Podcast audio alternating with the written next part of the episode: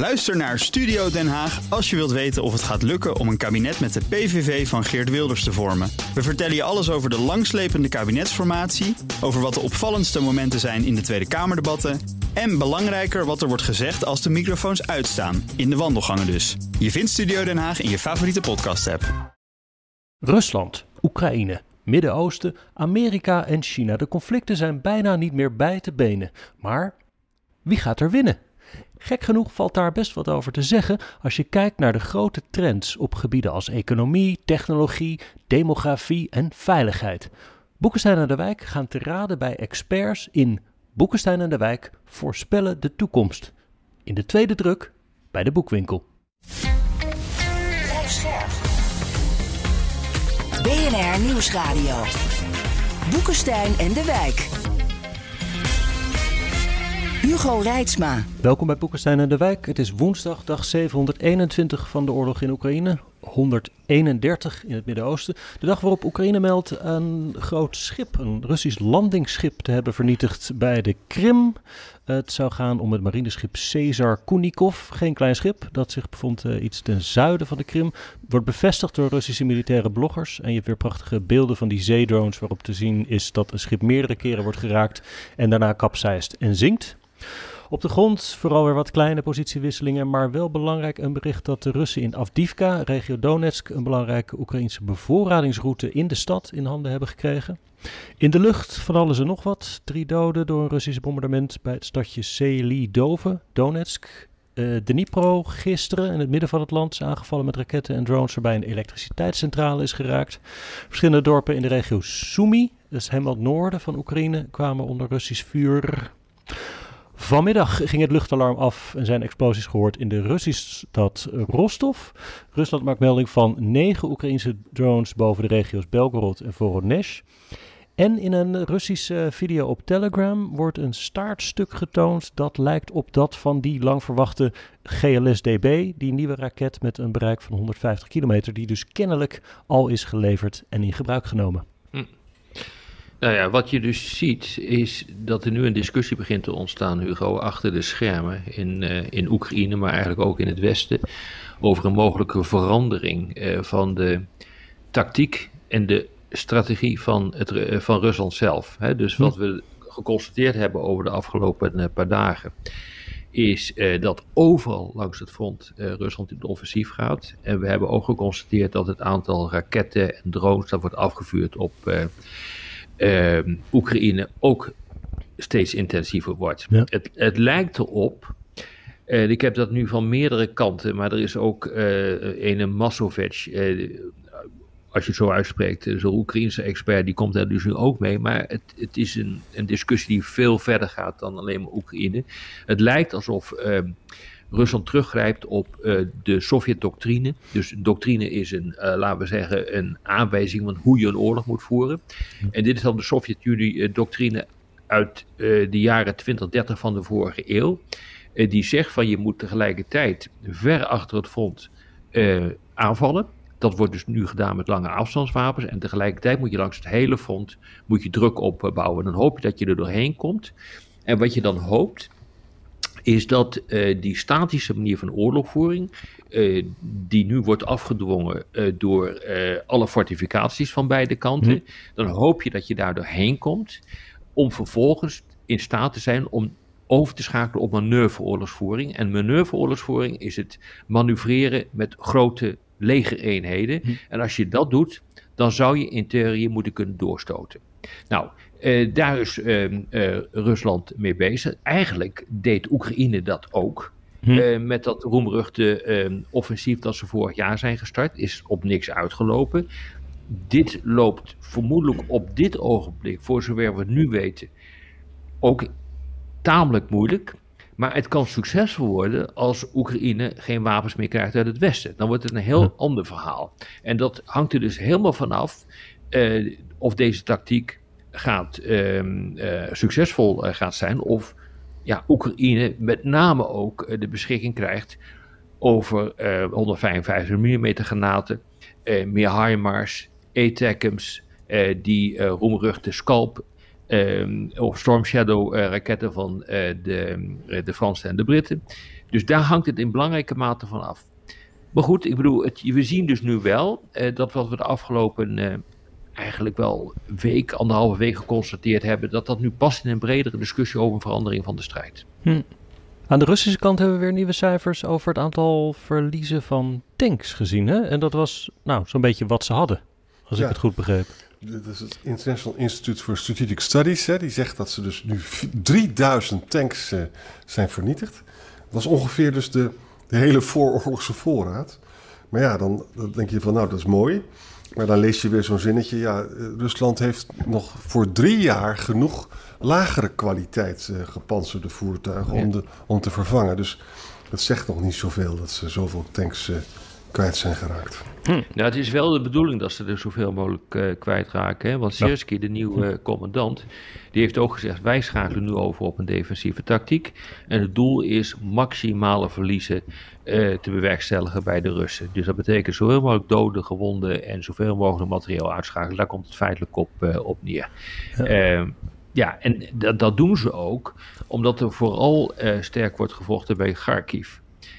en wat je ziet is dat uh, Kupiansk, uh, die zou dan moeten worden uh, veroverd. Dus dan praten we over het uiterste oosten van het front tegen de Russische grens aan. want Kupiansk is een belangrijk logistiek centrum. Als je dat hebt, dan zou je in principe ook wat meer vorderingen kunnen maken in de hele Donbass.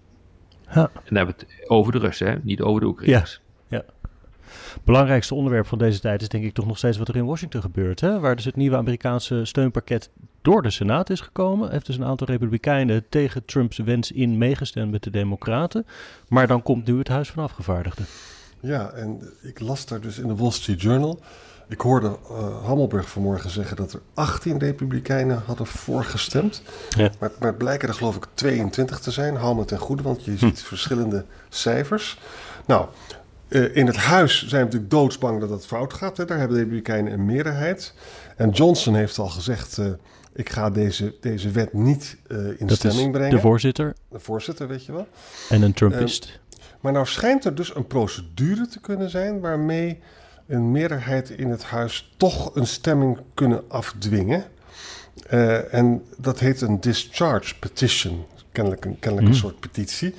Nou, laten we daar dan maar hoop uitputten. Maar ik ben vooralsnog vreselijk bang dat uh, Trump gewoon die oekase vasthoudt van... Uh, wij gaan daar niet voor stemmen, we zijn er gewoon tegen.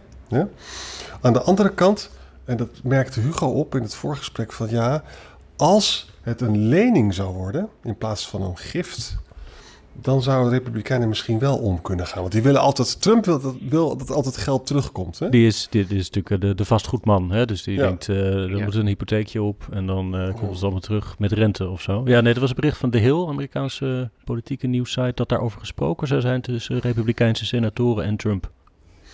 Dus misschien is het toch een geitenpaadje. Ja, misschien. Ja, Mitch McConnell heeft wel een hele belangrijke rol uh, gespeeld, hè? Republikeinse senator. Ja. Eh, wat is hij? Kentucky geloof ik hè?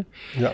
Uh, die, um, die is eigenlijk, eigenlijk de stormram geweest om dit er doorheen te krijgen. Die interesseert het gewoon echt helemaal geen ros wat uh, Trump wil. Volgens mij komt het ook omdat hij 82 is. Kennelijk is dat toch wel een voordeel als je heel erg oud bent in Amerika. Dan kan je gewoon doen en laten wat je, wat je wil. Dan maakt het niet meer uit. Ehm, maar die heeft echt zitten doorpersen. En die zei van, uh, ja weet je, uh, dit kan gewoon niet waar zijn. Dit is uh, niet zoals Amerika moet zijn. Heeft trouwens Biden ook gezegd. Hè? Biden heeft over Trump gezegd, zeker die opmerking waar we het eerder over hebben gehad van Poetin ga je gang maar als die lamzakken in Europa geen 2% willen betalen. Is het dom, schaamteloos en on-Amerikaans. Die Mitch McConnell is ook een man die af en toe bevriest hè, voor de tv. Ja. ja. En hij, heeft ook hij vertoont ook een enorme gelijkenis met een reptiel, vind ik. Het is echt een dinosaurus. Amerikaanse politiek blijft nog merkwaardig dat je op zulke hoge leeftijd zulke belangrijke posities kan uh, betrekken. Maar goed. Ja. Ja. Als we kijken naar Europa, een nieuw sanctiepakket. Uh, nummertje 13. Zeker. Dus een, uh, een, hoop mensen worden er weer op uh, gezet. Uh, daar zit dus echt een, een redelijk probleem in om dat voor elkaar te krijgen als je dus nog iets zou willen doen in de richting van, van het Westen.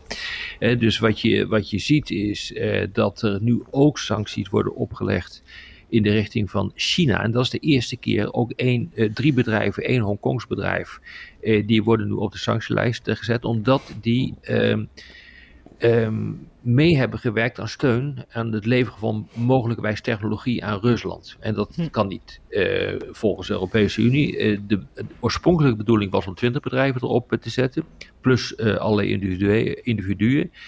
20 bedrijven was kennelijk wat te veel van het te groeien. Het zijn er drie geworden, plus één in Hongkong. Ehm, maar ja, weet je, dit is wel belangrijk. wat ook op de sanctielijst komt te staan, zijn Russische scheepsvaartondernemingen. En die hebben bijvoorbeeld wapens vervoerd vanuit Noord-Korea naar Dunai. Dat ligt eh, ten oosten van Vladivostok. Uh, van Vladivostok praten dus helemaal in het oosten van Rusland. dat wordt dus niet geaccepteerd, want die wapenleveringen, daarmee omzeil je dus ook, of nee, die omzeil je niet, daarmee ga je in tegen de VN-sancties. Ja, en dat kan natuurlijk, uh, dat kan hm. natuurlijk ook niet waar zijn, want die VN-sancties die zijn ook door uh, de Russen ondertekend.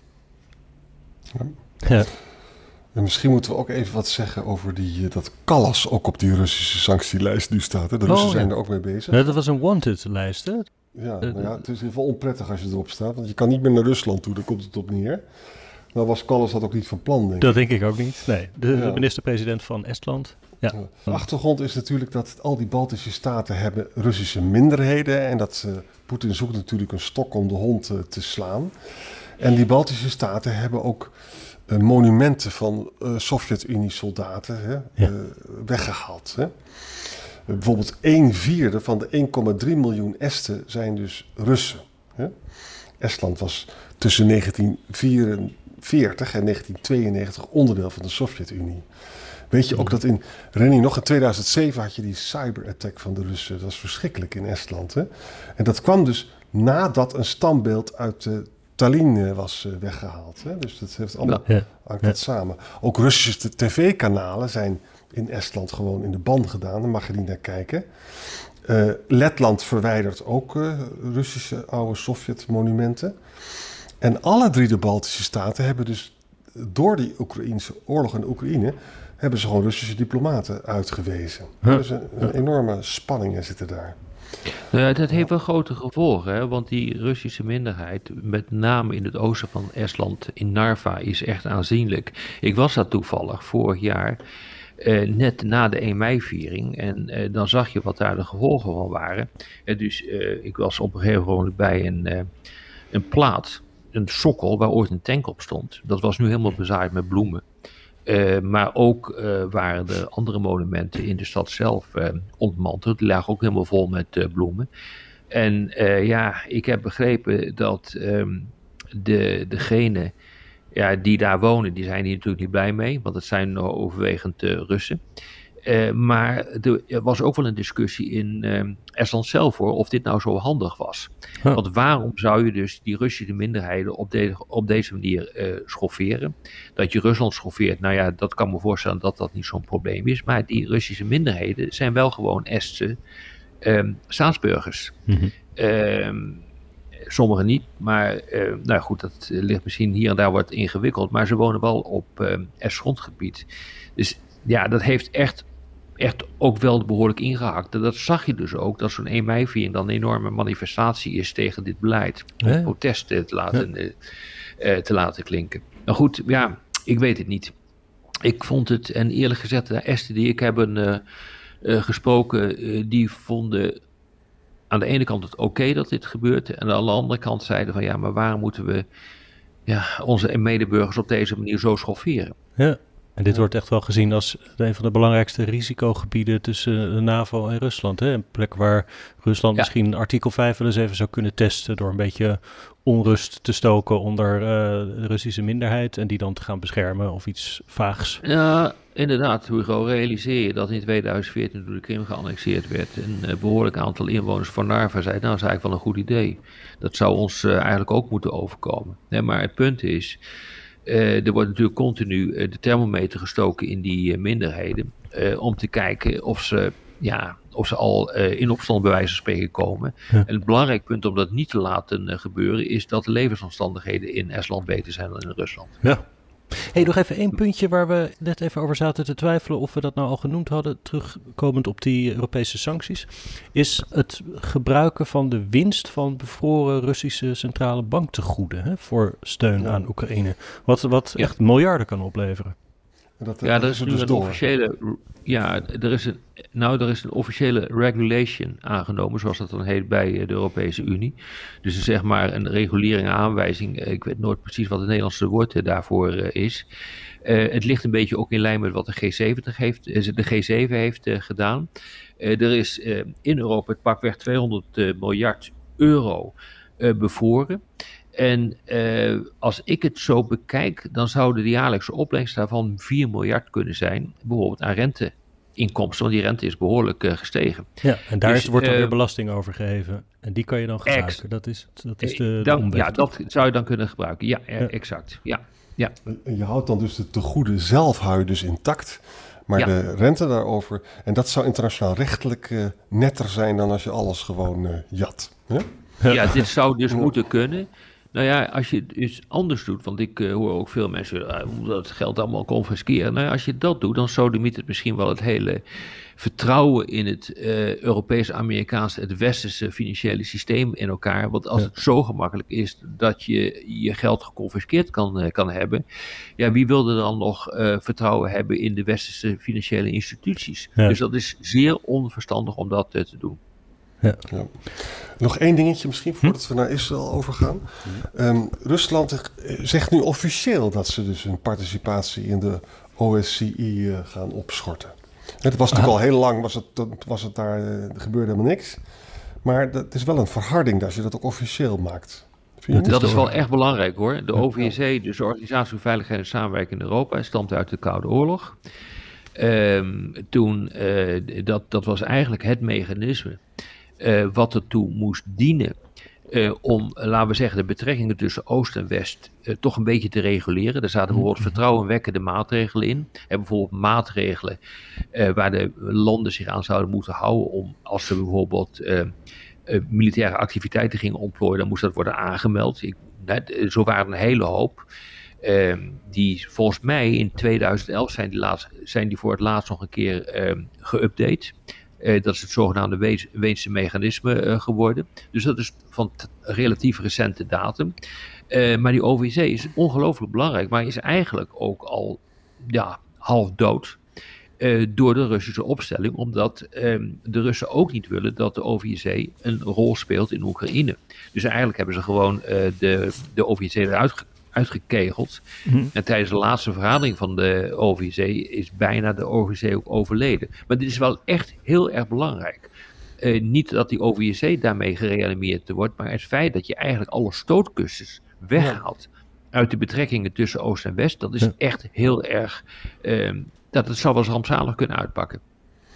Ook een beetje omdat je leest hier en daar allemaal mensen die zeggen van het lijkt erop. Hè? Ook geheime diensten zeggen dat dat uh, Rusland binnen tien jaar echt, echt een militaire confrontatie zoekt. Hè? Nou, dat past dus ook in dit beeld. Hè? Van dan heb je die OVSE ook allemaal helemaal niet meer nodig natuurlijk.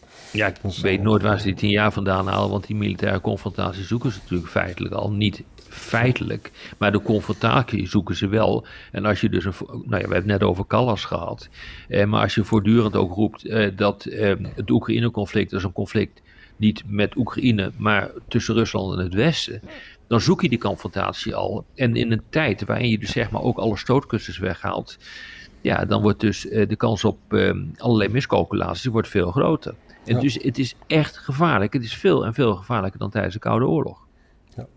Ja. volgens mij zijn die jaren waar dan vaak over wordt gespeculeerd, die gaan dan vooral over de tijd die Rusland nodig zou hebben om zijn strijdkrachten weer op te bouwen na alle verliezen in Oekraïne. Hè? Ja. Uh, ja. Dat het dan meer mensen kan stationeren aan de grens met de NAVO. Dat klopt. Maar dan nog hoor. Ja, dat hangt er dus ook vanaf wat de perceptie is van de kracht van de NAVO. Ja, en die moet dus sterker worden om oorlog te voorkomen. Zoals uh, de NAVO volgens mij vandaag bijeen ja. ook uh, weer heeft gezegd. Hè? Militaire productie, ja. alles moet op stoom ja. komen. Juist om een confrontatie in de toekomst te voorkomen. Zo is het. Door naar het Midden-Oosten. Um, Arjan, Nou, laat ik beginnen met, met een soort overzichtje van... ik ben altijd op zoek naar wat is er nou precies aan de hand? Hè? En, en wat Ja. gaat, dat nou, gaat dat nou goed? Als je net aan jou mag geloven, dan is het de victory. Binnen een paar maanden hebben we total victory. En hij kwam ook met een, een aantal, hè, dat 12.000 Hamas-leiders waren uitgeschakeld. Ik Ja, weet ja. gewoon niet of dat waar is. Hè? Nou, in de Wall Street Journal, toch niet een krant die erg eh, tegen Israël is, zou ik willen zeggen. Hè?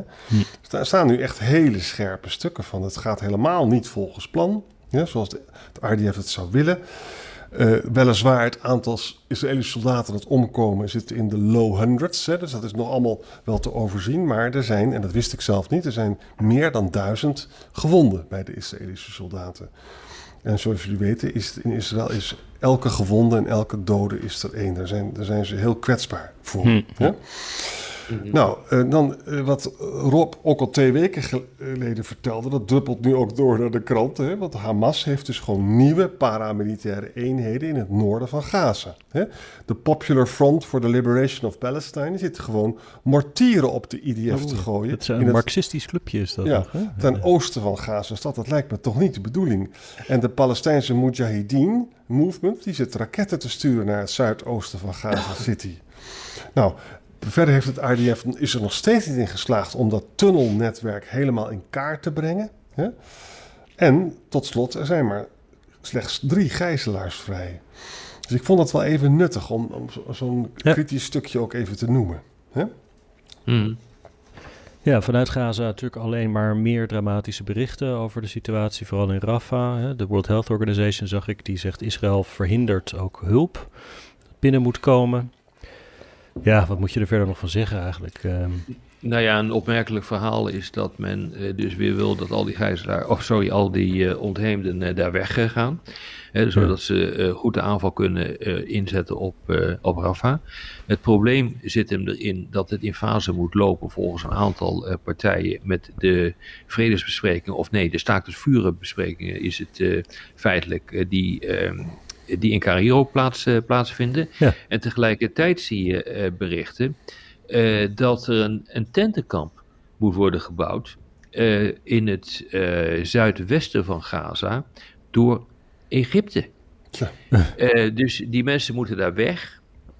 Moeten 15 tem- kampen worden neergezet, 375.000 tenten, gefinancierd door de Amerikanen en een aantal onduidelijke Arabische partners. En tegelijkertijd lopen die onderhandelingen daar doorheen over het staakt vuren. Dus het wordt redelijk complex. Dus het lijkt ook wel een, een race tegen de tijd, langzamerhand. En ik vraag me zo langzamerhand ook af of eh Netanyahu eh, dat Rafah gewoon niet eh, gebruikt om een enorme druk te zetten op die onderhandelingen. Ja, Hm. dat lijkt zo. Egypte heeft ook troepen gestuurd. Hè? Want die wil dus absoluut niet dat de Gazanen daar uitbreken en in, in Egypte terechtkomen. Ja. Dat, is- dat de afgelopen weken lees je het ene stuk na het andere. Er zijn nog steeds mensen bang dat als daar dus een noodsituatie ontstaat, dat die druk gewoon te groot wordt en dat ze er doorheen eh, gaan. Hè? Nou, dan wordt het, wordt het catastrofaal. Nou, wat we hier aan moeten verbinden is, je, je leest de meest vreselijke berichten over de ziekenhuizen in Gan Yunis, maar ook in het zuiden. Hè? Eh, En, en zelfs de, WHO zegt dat slechts de helft van de aanvragen van steun worden gehonoreerd door Israël. Dus het Ja. wordt ook heel duidelijk, ja, eh, druppeltjesgewijs komt dat maar naar binnen. Cameron maakt zich daar ontzettend kwaad over. Die, dus die, die richt zich met name op het feit... je kan toch niet mensen in een gebied zetten... waar geen water en waar geen voedsel is. Hè? Dat is ook een strijd met internationaal recht. En wat ik vond, jongens, voor het eerst... lees ik nu ook van een toprabijn in de United Kingdom... Jonathan Wittenberg, prachtige naam... Ja, die zet op zijn site nu van... dit, dat, dit kan niet wat Netanyahu hier doet. Want juist wij Joden die zo zijn vervolgd... je kan niet mensen in een onmogelijke positie brengen. Dus de spanningen nemen goed toe. En het kan zijn dat het waar is, hè, wat Rob zegt. Dat, die, dat, dat Netanyahu dus een keihard veel druk zet op Raven. Dat hij uit- uiteindelijk dat gewoon niet doet, maar dat hij dat doet om dus die, eh, een vluchtelingendeal te krijgen. Want het gekke is, we lezen ook in de kranten... er wordt vooruitgang gemaakt in Ja. Cairo. Ja, daar Ja, zit dus Hamas en die hebben ook met de Mossad en de CIA en Egypte en Qatar, iedereen heeft overlegd. En dat zou constructief zijn geweest. Maar ik zag net in Haaretz staan dat Netanyahu de Israëlische delegatie verbiedt om naar Cairo af te reizen. Dus ja. Ja, maar het gaat op een lager niveau volgens mij verder. Dus wat ik ervan begrijp, heb, uh, van begrijp is dat uh, er wel wordt onderhandeld, alleen op een lager niveau. En het wordt met drie dagen zelfs uitgebreid. Maar goed, ik bedoel, het zijn natuurlijk wel, uh, nou niet dagkoersen, maar bijna uurkoersen. Ja. Verder jongens, een heel maar ja, goed. ja, ga, ga, ja, ga verder, Jan. Nou, verder nee, een heel, heel scherp stuk in de Wall Street Journal over dat, ja, de Amerikanen gaan nu zelf onderzoek naar een, doen naar een aantal Israëlische luchtaanvallen. Hm. Bijvoorbeeld die in 30, 31 oktober in dat Jabalia vluchtelingenkamp. Daar werd dus een oh. 2000 pond bom gegooid. En het gevolgen waren dat meer dan 125 mensen omkwamen. Israël deed dat omdat er dus een Hamas-leider in een tunnel liep. En die hoopte dus met een uitgestelde ontsteking, weet je wel, dat ze het dan zou detoneren onder de grond. Maar dat mislukte dus kennelijk.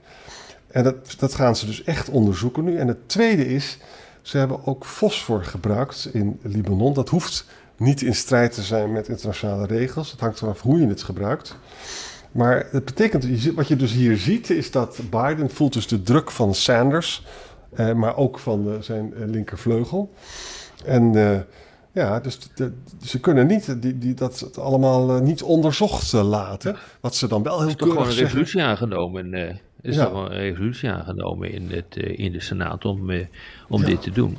En de procedure dus is zo... Department, ja, de procedure is Department zo... moet wel. Ja, de procedure is zo gedaan van... Ja, het lijkt niet gelijk dat we dan de supply van bommen bevoorrading gaan stoppen. Maar we moeten het gewoon even eerst helemaal keurig uitzoeken. Dus we proberen ook wel zelf vertraging in te bouwen. Hm. Maar het is, het is wel belangrijk. Uh, Libanon is nog gezegd, ik heb er nog niet veel details over gezien, maar heeft de Israëlische luchtmacht uh, dus luchtaanvallen met vliegtuigen uh, uitgevoerd in, in reactie op vuur van Hezbollah. Hebben jullie daar iets meer van details nee, van? Nee, heb ik niet gezien. Ik, nee, het enige wat ik heb gezien is dat inderdaad dat, dat, dat, dat gebeurt.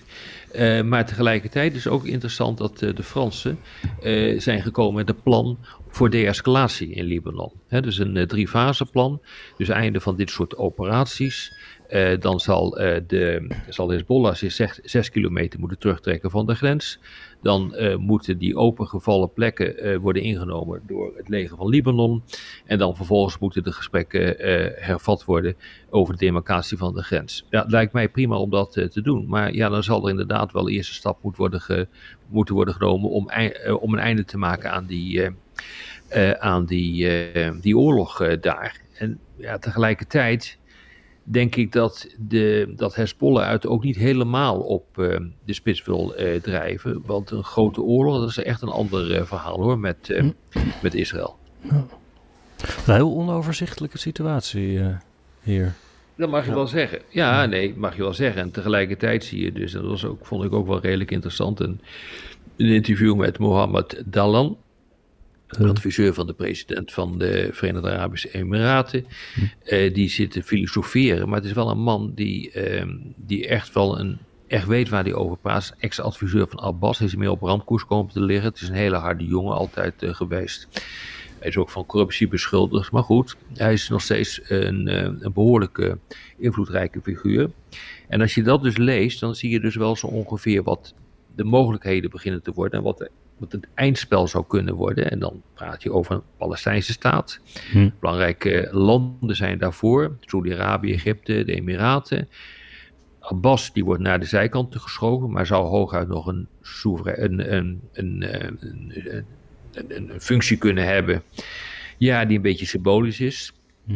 Uh, de, dan zou je een vredesmacht kunnen krijgen in Gaza, die door Arabische staten wordt gestuurd. Um, dan zou je ook kunnen, ervan uit kunnen gaan dat de Emiraten en Saudi-Arabië helpen bij de wederopbouw. Mhm. En er zou dan een politiek Palestijns bestuur moeten komen, niet Hamas. Uh, dus uh, het, het, het, het, wordt een beetje in die richting geduwd, continu, uh, heb ik het gevoel. En dat is natuurlijk toch interessant. Ja, ja. ja misschien moeten ze dat maar doen. Nou, oké, okay, morgen. morgen verder? Ja. Zo is het. Dank weer. Tot morgen. Bij BNR ben je altijd als eerste op de hoogte van het laatste nieuws. Luister dagelijks live via internet. Bas van Werven. En heel langzaam komt de zon op rond dit tijdstip. Je krijgt inzicht in de dag die komt op BNR, het Binnenhof in Nederland en de rest van de wereld. De Ochtendspits. Voor de beste start van je werkdag. Blijf scherp en mis niets.